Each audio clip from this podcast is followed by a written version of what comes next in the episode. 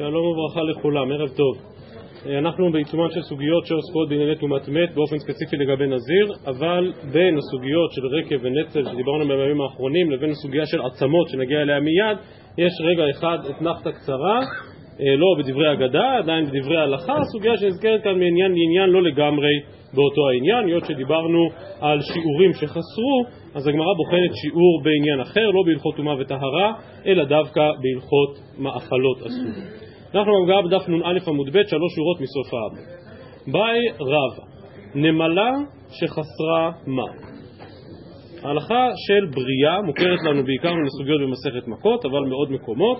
חידשה תורה שכדי לעבור על לאו דאורייתא של מאכלות אסורות אפשר ללקוט רק מי שאכל שיעור חשוב, דהיינו שיעור כזית כמו בכל מקום.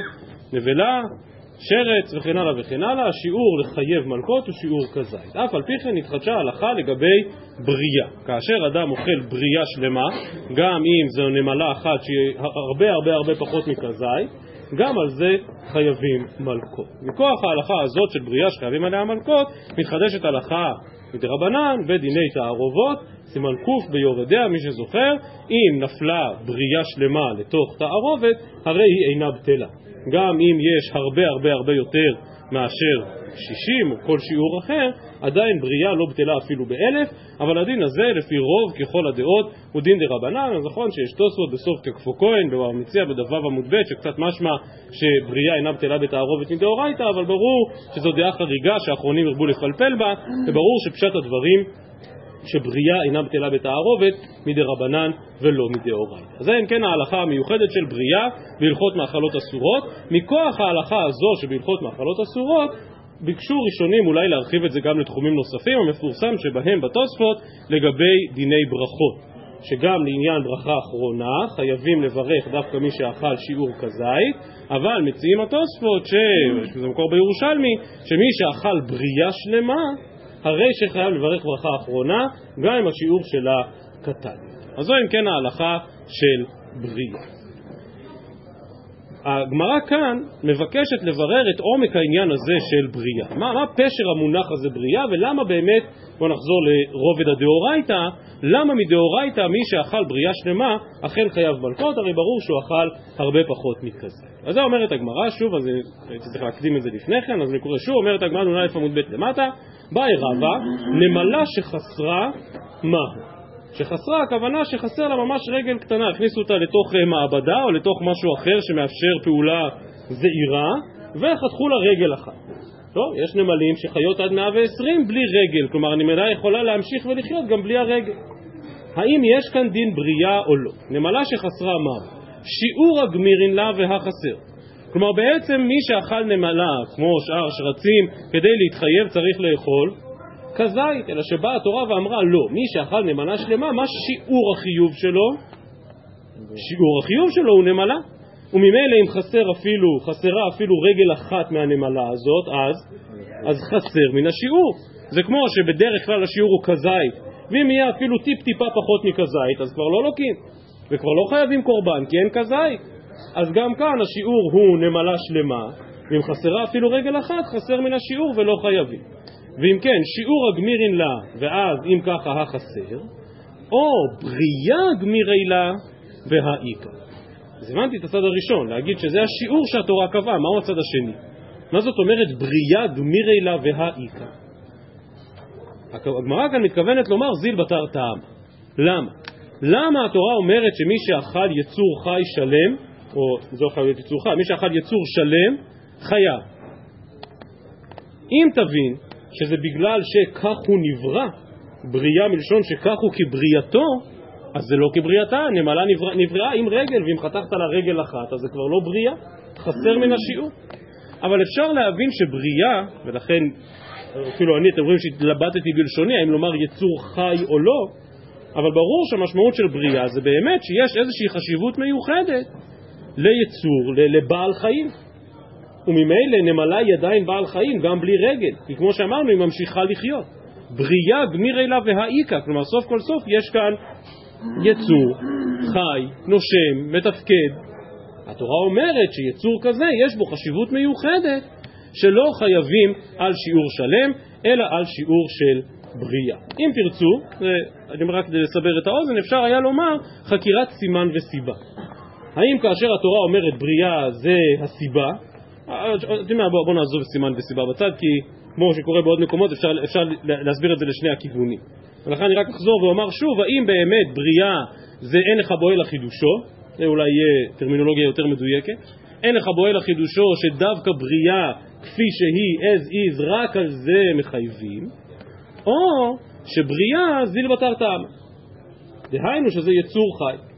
וגם יצור חי בלי רגל הוא עדיין יצור חי וגם עליו חייבים. טוב, אז כמו שאמרתי זו שאלה גדולה בענייני חיוב במאכלות אסורות.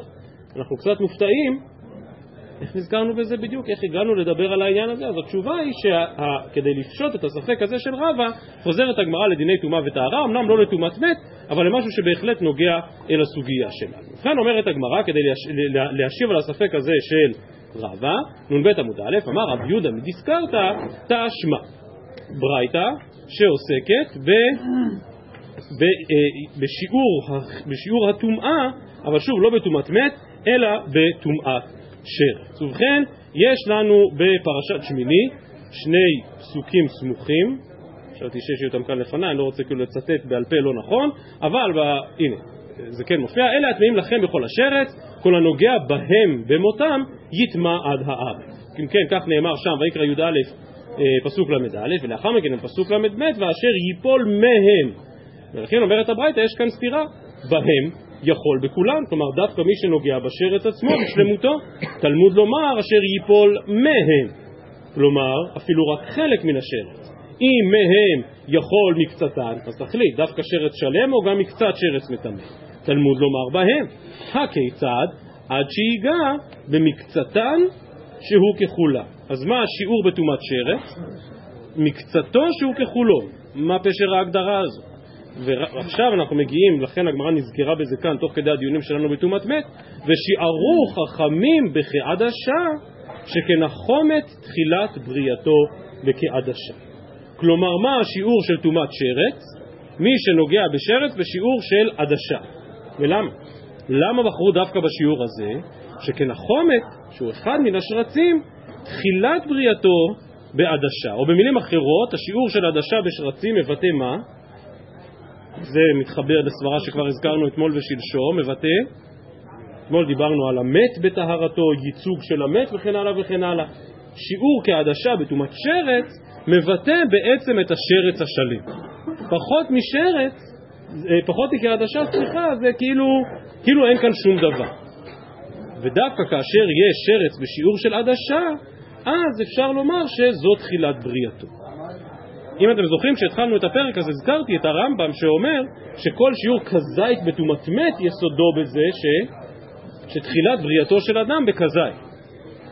אז אחד מהמשתתפים הווירטואליים הקבועים של השיעור הזה, שמואל ברויר, אה, רופא בבית החולים סורוקה, כתב לי אתמול, אה, כתב לי הבוקר, שבאמת הוא חיפש איזשהו מאמר שעוסק בנושא הזה של מהו השיעור המינימלי של יצירת האדם בשלבים השונים שיש מבחינה רפואית להתפתחות העובר והוא מצא איזשהו מאמר שבכלל נכתב בארצות הברית שאומר שפחות או יותר הגודל העוברי שעליו מדובר שם הוא אוליב. אז מה זה אוליב באנגלית?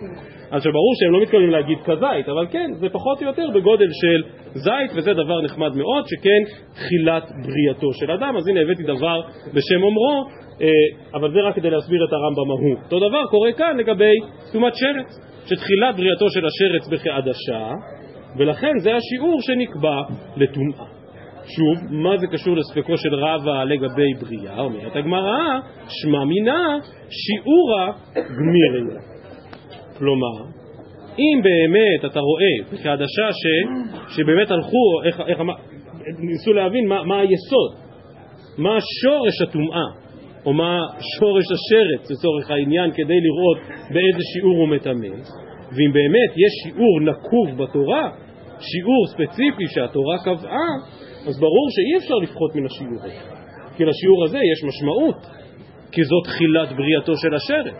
ובכן, אם נחזור לספקו של רבא על דין ביריה, הרי שזה אותו דבר. גם בספקו של רבא, באמת, אם התורה קבעה שהאוכל בריאה שלמה חייב, אז זה חייב להיות בריאה שלמה.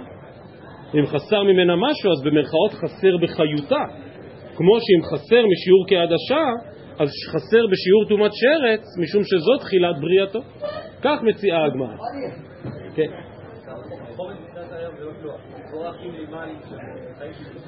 יפה, יפה, יפה, בסדר, יפה, על, פניו, בסדר, עכשיו, שוב, אני אומר יפה כי זה מה שהגמרא, אם אני הבנתי נכון את דבריך, אז זה בדיוק התשובה של הגמרא.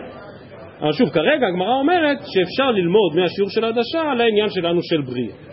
אמר רב שמעיה, שמע מן השיעור הגמירי, דוחה הגמרא את ההוכחה ואומרת, אמר רב שמעיה, כי באינן שיעורא דבדלוהביה כעדשה לא מטמא, דלא נפלה בנשמה.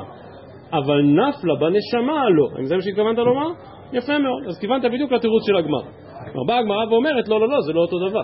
הרי עוד פעם, למה נתפסנו לשיעור הזה של כעדשה? בגלל שזה שיעור החיות המינימלי, בפחות מזה אין חיות. אבל בנמלה, כאשר, אתה, כאשר כבר נפלה בנשמה, כאשר יש כאן יצור חי, מתפקד, מהלך, אז גם אם תוריד לרגל אחת, זה, זה עדיין יצור חי, זה בדיוק היה הצד השני של הספק שהסתפקנו מקודם. האם זה שיעור נקוב בתורה, או שזה שיעור שיש לו משמעות? ומה המשמעות? המשמעות שזה יצור חי, אז יש כאן יצור חי. בפחות מקעדשה לא יכול להתהוות יצור חי, לא יכול להתהוות שרץ ולכן זה לא מטמא. אבל בביריה כאשר יש יצור חי, אז גם אם הורדת לרגל אחת זה עדיין יצור חי. ולכן מסיימת הגמרא ואומרת, תיבאנה. או כמו שאנחנו מוצאים בסוגיות אחרות בש"ס, תיקו. כלומר באמת לא הצלחנו לפשוט את הספק ואי אפשר להביא הוכחה חד משמעית לעניין ספקו של רבא. ובאמת הרמב"ם בעקבות העניין הזה פוסק הרמב"ם שמספק לא חייבים על כל.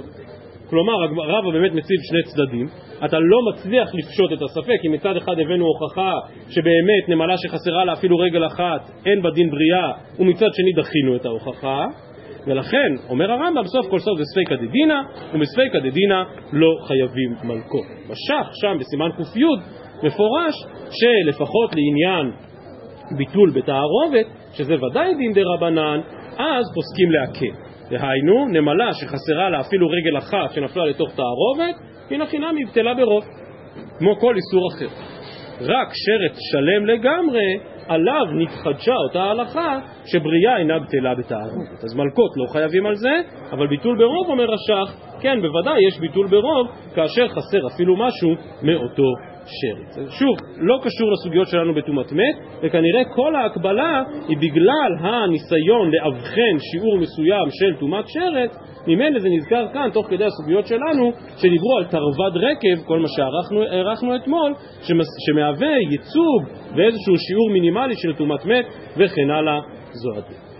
ואנחנו חוזרים אל הנושא שלנו ואל הטומאות שהנזיר אכן מגלח עליהן, כפי שראינו במשנתנו. והטומאה הבאה שבמשנה, כאן דף נ"ב עמוד א', בנקודותיים השדרה והגולגול. כלומר, גם אם סיימנו את כל התהליכים שדיברנו עליהם אתמול, כבר חלף זמן רב מאז הפטירה והקבורה, אין יותר נצל, אין יותר רקב, אין יותר שום דבר, כל הבשר התכלה, וכדרכו של עולם נשארו אך ורק עצמות. וכל מה שהערכנו אתמול להגיד על הבשר שהולך וקלה ושב אל העפר, אבל זה נכון שהעצמות יכולות להחזיק מאות ואולי אפילו אלפי שנים, אה, ובאמת זה נכון, השלד, העצמות, הולכות ונשמרות לאורך זמן, ואם כן אומרת משנתנו, גם שדרה וגולגולת הם מסוג הדברים שנזיר מגלח עליהם. שואלת הגמרא, אתם יודעים, רגע לפני שאלת הגמרא, אני רק רוצה להקריא שורה אחת מן הרמב"ם, משום שגם את העניין הזה של שדרה וגולגולת או טומאת עצמות בכלל, קושר הרמב"ם לאותו רעיון גדול שדיברנו בו אתמול, ואני קורא דווקא את הרמב"ם בהלכות טומאת מת, לא בהלכות נזירות.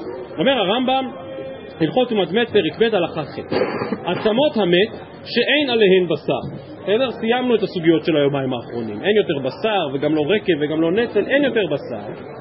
אם ניכרת בהן צורת עצמות האדם הרי אלו מטמאים במגע ובמסע ובאוהל כמת שלם שאני קורא בהן עצם אדם כלומר גם כאן הרמב"ם מדבר על זה שצריך שתהיה ניכרת בהן צורת עצמות אדם עכשיו לדבר הזה יש כל מיני וריאציות שחלקן נידונות בסוגיה שלנו, חלקן נידונו בהמשך הפרק כפי שנראה בימים הבאים, אבל שוב, המהות היא אותה מהות. כאשר אתה מדבר על טומאת מת, ודאי וודאי כאשר אתה מדבר על טומאת מת שיש בה כל הטומאות, כולל אוהל, כולל את המן נזיר, אז זה בגלל שאנחנו רוצים איזשהו מפגש עם האדם שלפחות היה ולכן אומר הרמב"ם את הביטוי הזה, אם ניכרת בהן צורת עצמות האדם, הרי אלו מטמאים. אז מתי ניכרת צורת עצמות האדם? אמרה משנתנו, שדרה וגולגולת, מאוד הגיוני. מה זה שדרה? שדרה זה בעצם העיקר. אין הכוונה כאן רק לחוט השדרה, לעמוד השדרה, אלא גם לכל בית החזה, כלומר כולל הצלעות, כמו שנראה מיד בגמרא, או הגולגול. וזה נכון, כשחושבים, כשאני אומר לכם את המילה שלד, אני משער שהדבר הראשון שעולה בראש זה סוג של גולגולת, לא? אז או הגולגולת, או השדרה, שזה בעצם, שוב, מה שמייצג את האדם. ובכן אומרת הגמרא, נ"ב עמוד א', היא באה להו, שדרה וגולגולת נן, או דילמה או שדרה או גולגולת. ברוח מה שאמרתי עכשיו, הספק מובן לחלוטין, אולי באמת צריך גם וגם. צריך גם את השדרה עם בית החזה הצלעות, וגם את הגולגולת, ואז זה כבר ממש צורה של בן אדם. או דילמה, או שדרה או גולגולת. או זה או זה. אמר רבא תשמע ומביא הוכחה מהתוספתא באוהל. שדרה שגרד רוב עילעין, עילעין בעברית שלנו צלעות, כלומר מישהו בא ובעצם פירק את השדרה, פירק את הצלעות זו מזו, אגב לא רק שמישהו בא ועשה את זה אלא זה קורה מאליו, גם כשפותחים קבר אחרי המון המון שנים ומוצאים שם שלד, בדרך כלל השלד יהיה מפורק, הוא לא יהיה מחובר, ולכן שדרה שגרד בה רוב עילעין שבה טהורה ובקבר אפילו משוברת ומפורקת, טמאה מפני הקבר. אז נכון שקבר יש בו טומאה מצד עצמו, אבל תוספות והראש כאן אומרים בפירוש שכאשר השדרה נמצאת בקבר, הכי גמירה. שהקבר מצרף אותה להיות דבר אחד. טוב, זה לא קשור לענייננו. אבל לענייננו, הנה אתה רואה כאן מפורש שהשדרה שהתפרקה, שוב אין בה טומאה. אומרת הגמרא, שמע מינה או שדרה, סליחה, דילגתי שורה, אפילו, מפור... אפילו משוברת ומפורקת טמאה מפני הקבר. מדייקת הגמרא טעמה משום דגרד. כלומר שהשדרה באמת התפרקה, שהצלעות התפרקו, הלא גרד, טמא, שמע מינה או שדרה או גולגולת קטני. למה? כי אם באמת צריך שדרה וגולגולת ביחד, אז מה אכפת לי אם הצלעות שבורות או לא? הרי בכל מקרה חסרה פה הגולגול. על כורחנו ששדרה מטמאת כשלעצמה, ועל זה רוצה אותה תוספתא באוהלות לומר, שאם השדרה מפורקת, אין בה טומאה. והראיה שהגולגולת בכלל לא נזכרה. דוחה הגמרא את ההוכחה ואומרת, הלא קטנה. כלומר, מה שאתה אומר לא כתוב. זה לא כתוב. הקמא שמלן, דכי גרד טהורה. אידך תיבא אלה. כלומר, מה שאמרת עכשיו לא כתוב בתוספתא. מה כתוב בתוספתא? כתוב בתוספתא שגם אם יש טומאה לשדרה בלבד, גם בלי גולגולת זה רק, רק בשדרה שלמה ולא בשדרה מפורקת. זה כל מה שכתוב. הלא קטני, כלומר מה שאתה אומר לא כתוב כאן, שאם יש שדרה שלמה אז היא מטמאת גם בלי גולגולת. מה שמתח... אולי באמת כדי לטמא צריך גם גולגולת וגם שדרה.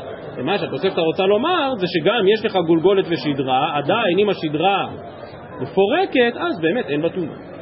ולכן מה שאתה אומר לא כתוב בתוספתא ואי אפשר לדייק באופן הזה. לכן מציעה הגמרא דיוק אחר, תשמע, שוב מהתוספתא באוהלו, רבי רבי יהודה אומר שישה דברים רבי עקיבא מטמא וחכמים מטהרים וחזר בו רבי עקיבא אז מיד הגמרא, תפרט את אותם שישה מקרים שבהם חכמים לא בדיוק מטהרים כי ברור שיש בהם טומאת מת אלא הכוונה שחכמים מטהרים שאין בהם טומאת אוהל. או הכוונה שחכמים מטהרים שנסביר לא מגלח עליהם. לפחות לגבי חלק מן הדברים ברשימה חייבים להניח שחכמים לא מטהרים לגמרי ושחכמים רק מתכוונים שאין בהם טומאת אוהל או שהנזיר לא מגלח עליהם אז מיד כאמור נראה את הרשימה, אבל ברור שחלק מאותה רשימה של המחלוקת בין רבי, רבי יהודה ורבי עקיבא, ואחר כך רבי עקיבא חזר בו, חלק מן הרשימה קשור לעצמות, שעליהם אנחנו מדברים. אז זה אומרת התוספתא, אני קורא שוב, תשמע רבי יהודה אומר שישה דברים רבי עקיבא מטמא וחכמים מטהרים, וחזר בו רבי עקיבא, הוא מעשה, שהביאו קופה מלאה עצמות לבית הכנסת של תרסיים והניחוה באוויר, בכוונה הניחו אותה באוויר ולא תחת איזשהו גג, כי אחרת אם, אם נפסוק שזה טמא תהיה כאן טומאת אוהל, ולכן הניחוה באוויר, ונכנס טודוס הרופא, מישהו זוכר אותו? טודוס הרופא מוכר לנו ממשנה מפורשת במסכת בכורות, שאז היו עושים ניתוחים לבעלי חיים במצרים, לא יוצאת בהמה מאלכסנדריה של מצרים בלי שעוברת כריתה של הרחם ואם כן תודוס הרופא, ויש כל מיני חוקרים שניסו לשער מי הוא בדיוק היה תודוס הרופא ומתי בדיוק הוא חי, ויש השערות על הדבר הזה. על כל פנים כאן, באמת רואים שתודוס היה מומחה לאנטומיה או ליתר דיוק לפתולוגיה. מה שקוראים היום רופאים משפטיים, פתולוגים, שבאמת יודעים לנתח את העצמות ולראות על מה מדובר. ובכן, נכנס סודוס הרופא וכל הרופאים עמו ואמרו, אין כאן שדרה ממת אחד.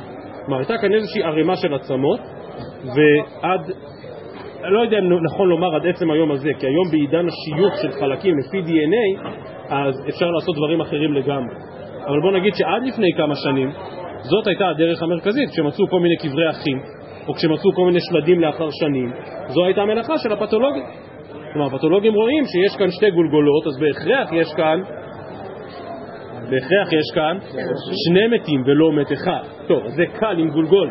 פתולוגים יכולים לעשות את זה בצורה יותר מתוחכמת, כלומר להראות שיש כאן שני שוק שמאל. אין בן אדם שיש לו שתי, שוק, שתי שוקיים של שמאל, ולכן שוב זו הוכחה שיש כאן שני מתים. וכולי וכולי, ולצערנו במלחמות ישראל, כבר במלחמת השחרור, נדרשו גם למלאכות כאלה של זיהוי של עצמות. וזה בדיוק מה שעושה תודוס הרופא. ואם כן, נכנס תודוס הרופא וכל הרופאים עמו ואמרו, אין כאן שדרה ממת אחד. כלומר, בערימת עצמות הזאת שהכנסת לבית הכנסת, מעורבבים שני מתים. זה היה הניתוח הפתולוגי. לענייננו, אומרת הגמרא, תמה דליקה שדרה דמחדה. כלומר, למה החליטו שמה לטהר? כי בא תודוס ואמר, אין כאן שדרה ממת אחד, אלא יש כאן גיבוב עצמות של כמה מתים. מזה רוצה לדייק הגמרא, תמה דלקה שדרה דמחדה, האיכא או שדרה או גולגולה דמחדה, אז נזיר באמת היה מגלח עליה. כלומר, הפסק שם שנזיר לא מגלח היה רק בגלל שבאו ואמרו, יש כאן תערובת עצמות מכמה מתים, אבל אילו בא תודוס הרופא ואומר, יש כאן שדרה של מת אחד, או גולגולת של מת אחד, אז הנה חינמי הפסק היה שמגלחים, למרות שזה רק או שדרה או גולגולת. עכשיו מקשים כאן הראשונים ואומרים, רגע, רגע, רגע, משמע שזה הובא לפני תודוס הרופא כאשר כאשר זה בכל מקרה מפורק, ואמרת לפני רגע שכשזה מפורק בכל מקרה אין טומאה. אז אותו זאת רוצים לתרץ, לא, שבאמת מדובר שמישהו נטמע בזה עוד לפני שזה יתפרק, ורק אחרי שהתפרק הביאו את זה לבחינה הפתולוגית. אבל ככה או ככה, מוכח מכאן שמה שטודוס בדק זה אם יש כאן שדרה ממת אחד או שניים, אבל אילו הייתה שדרה ממת אחד הוא באמת היה מטמא. למרות שאין כאן גולגולת. אני קורא שוב, ואמרו אין כאן שדרה ממת אחד. תמה דליקה שדרה דמחדה. האיכא או שדרה או גולגולת דמחדה, נזיר כן מגלח עליו. שמע מינה או שדרה או גולגולת נא. תוכל הגמרא שוב ואומרת לא מבעיה כאמר. לא מבעיה שדרה וגולגולת דממת אחד ליקה, אלא אפילו או שדרה ממת אחד או גולגולת ממת אחד, גם זה ליקה. גם זה לא נמצא. ולכן במצב כזה באמת נפסק שמטהרים. אבל הנה חינמי אילו הייתה שדרה שלמה, או לחילופין גולגולת אחת, אכן היה נפסק לטומאה. טוב, אומרת הגמרא, אבל עכשיו בואו נחזור לאותה רשימה של שישה דברים בתוספתא ונראה מה נמנע בה. אותם שישה דברים כאמור שנחלקו עליהם רבי יהודה ורבי עקיבא ורבי עקיבא חזר. אותה אשמה ממניינה. ומה הם שישה דברים שרבי עקיבא מטמא וחכמים מטהרים? על עבר מן המת שבא משני מתים. כלומר אין כאן איבר שלם, אלא יש כאן שני חצאי איברים. חצי יד ממת זה, חצי יד ממת זה, ואני מרכיב את הפאזל ביחד ונהיה כאן מת שלם. או על עבר מן החי, על עבר מן המת שבא משני מתים, או על עבר מן החי שבא משני בני אדם חיים. ועל חצי קו עצמות שבא משני מתים, ועל רביעית דם הבא משני מתים, ועל עצם כשעורה שנחלק לשניים, והשדרה והגולגולת. קראתי את זה לאט כדי שתצליחו לספור שכמה דברים יש כאן. הרשימה שבברייתא מונה שבעה דברים ולא שישה. בואו נעשה את זה שוב, עבר מן החי, סליחה, עבר מן המת, עבר מן החי, חצי קו עצמות, רביעי דם, עצם כשעורה שנחלק לשניים, שדרה וגולגולת. בסך הכל יש כאן שבעה דברים. אז זה אומרת הגמרא, והיא צלקדתה או שדרה או גולגולת, אז זה הנשיבה הוויה. כלומר באמת יש כאן רשימה של שבעה פריטים. על כורחנו להניח שכשנאמר בסוף הרשימה שדרה וגולגולת, הכוונה דבר אחד. ומכאן אפשר להביא ראיה שצריך גם שדרה וגם גולגולת, כי רק שדרה או רק גולגולת עדיין לא מטמא. ויסל כדעת אחות שדרה או גולגולת, הנשיבה הוויה. דוחה הגמרא נ"ב עמוד ב' ואומרת כי קטנה, והגמרא מציינת סימן, כלומר יש דרכים שונות להסביר אחרת את הרשימה, כי קטנה, תשובה ראשונה, כל היכא דפליגי עלי רבים, לאפוקי עצם כשעורה דיחידו דפלי גלי, דתניא עצם כשעורה שנחלק לשתיים רבי עקיבא מטמא, ורבי יוחנן בן נורי מטהר. כלומר, אנחנו הבאנו שש דוגמאות שבהן רבי עקיבא הוא דעת יחיד, לגבי עצם כשעורה שנחלקה לשניים, רבי עקיבא הוא לא דעת יחיד, הוא הדעה המרכזית. אדרבה, רבי יוחנן בן נורי שחולק עליו, הוא היחיד. אז כמו שכבר הזכרנו, שיעור הטומאה בעצמות, מהו? שיעור הטומאה, לא כל מה שאנחנו מדברים עכשיו, תגלחת נזיר וכולי וכולי. שיעור הטומאה בעצמות הוא כשעורה, וגם זה מטמא רק במגע ולא מטמא באוהל. על פניו היית אומר, אם לקחת את השעורה הזאת וחצית אותה לשניים, כבר לא נשאר כלום, אין כאן טומאה. וזה באמת מה שאומר רבי יוחנן בן אורי. אבל דווקא דעת רבי עקיבא פה היא הדעה היותר רווחת, והיא גם הדעה שנפסקה להלכה ברמב"ם פרק ד' מהלכות טומאת מת. שעצם כשעורה שנחצתה לשניים, אמנם אין בה טומאת מגע, אבל יש בה טומאת מסע. כלומר מי שיישא את שני חצאי השעורה הללו ביחד, אכן נטמע בטומאת מת גמורה. ובכן, את העניין של עצם כשעורה אני לא מונה בחשבון של הברייתא, למה? כי הברייתא מונה את השישה דברים שבהם רבי עקיבא דעת יחיד. עצם כשעורה רבי עקיבא הוא לא דעת יחיד. עד כאן תירוץ מספר. תירוץ מספר שתיים, והיא בעת אימה, כי קטני עבר מן המת, עבר מן החי לא קטני. כלומר, כל המחלוקת רבי עקיבא וחכמים זה דווקא על שני חצאי איבר מן המת, שוב, חצי יד מזה, חצי יד מזה, שביחד נראים כמו יד שלמה, ורק על זה נחלקו. כאשר מדובר על איבר מן החי, בזה כנראה כולי עלמא מודים שאין טומאה, אתה לא יכול להרכיב ביחד שני חצאים של איבר מן החי. לא הזכרתי את זה מקודם כשראינו את הברייתא, כי אולי חשבתי שתתעייפו, אבל גם כאן כנראה העיקרון הוא בדיוק אותו עיקרון. כלומר, על פניו, אם יש לי חצי כזית נבלה, ועוד חצי כזית נבלה, ומישהו אכל את שני החצאי כזיתים האלה ביחד, חייב או פטור? חייב, לא, אבל למה הוא חייב? על כל אחד מהם הוא רק חצי כזית. מה התשובה? זה אותו דבר. זה אותו דבר, זה נבלה וזה נבלה, זה חצי כזית, זה חצי כזית, יצטרפו ביחד, יש שיעור כזית. נו, אז לפי זה, אם אתה אומר שעבר מן המת מטמא, אז מה אכפת לי אם הבאתי חצי עבר מן המת הזה וחצי עבר מן המת ההוא? הרי סוף סוף זה חצי וזה חצי, אבל הם יצטרפו ביחד, זה אותו שיעור. זו כנראה סברתו של רבי עקיבא שמטמא. אז מה סברת החכמים שמטהרים, וכאמור רבי עקיבא בסוף חזר והודה לדבריהם? מה סברת החכמים שמטהרים? שטומאה של איבר מאדם, במקרה הזה איבר מן המת, זה לא כמו נבלה שהיא בשיעור כזית, אלא זה משהו שקשור לאדם. ולקחת שני חצאי איברים משני אנשים שונים ולחבר אותם ביחד, לא, זה לא מתחבר. כי זה לא מבטא את הגופה שהייתה כאן, את המת שהיה כאן. ולכן פה זה באמת לא מתחבר. ושוב, כל הדיון הזה הוא דווקא באיבר מן המת, לא באיבר מן החי, ואם ככה את זה צריך להשמיט מן המת. והיא בהתאמה, תירוץ מספר 3, כי קטני כל היכא דנזיר מגלח על אהילו, לאפוקי עצם כשעורה דלא. כמו שניגשנו מקודם, עצם כשעורה באמת יש בה טומאה, והנזיר גם מגלח עליה, אבל רק במגע ובמסע. לא מגלח באוהל. ולכן את זה לא צריך למנות כאן, כי זה לא יכול לטמא נזיר באוהל. ואם בהתאמה אומרת הגמרא, תירוץ אחרון, כי קטני, כלומר כל הרשימה שיש בברייתא, כל היכא דהד הרבה. כלומר כל אותם מקומות שבהם רבי עקיבא אכן חזר בו.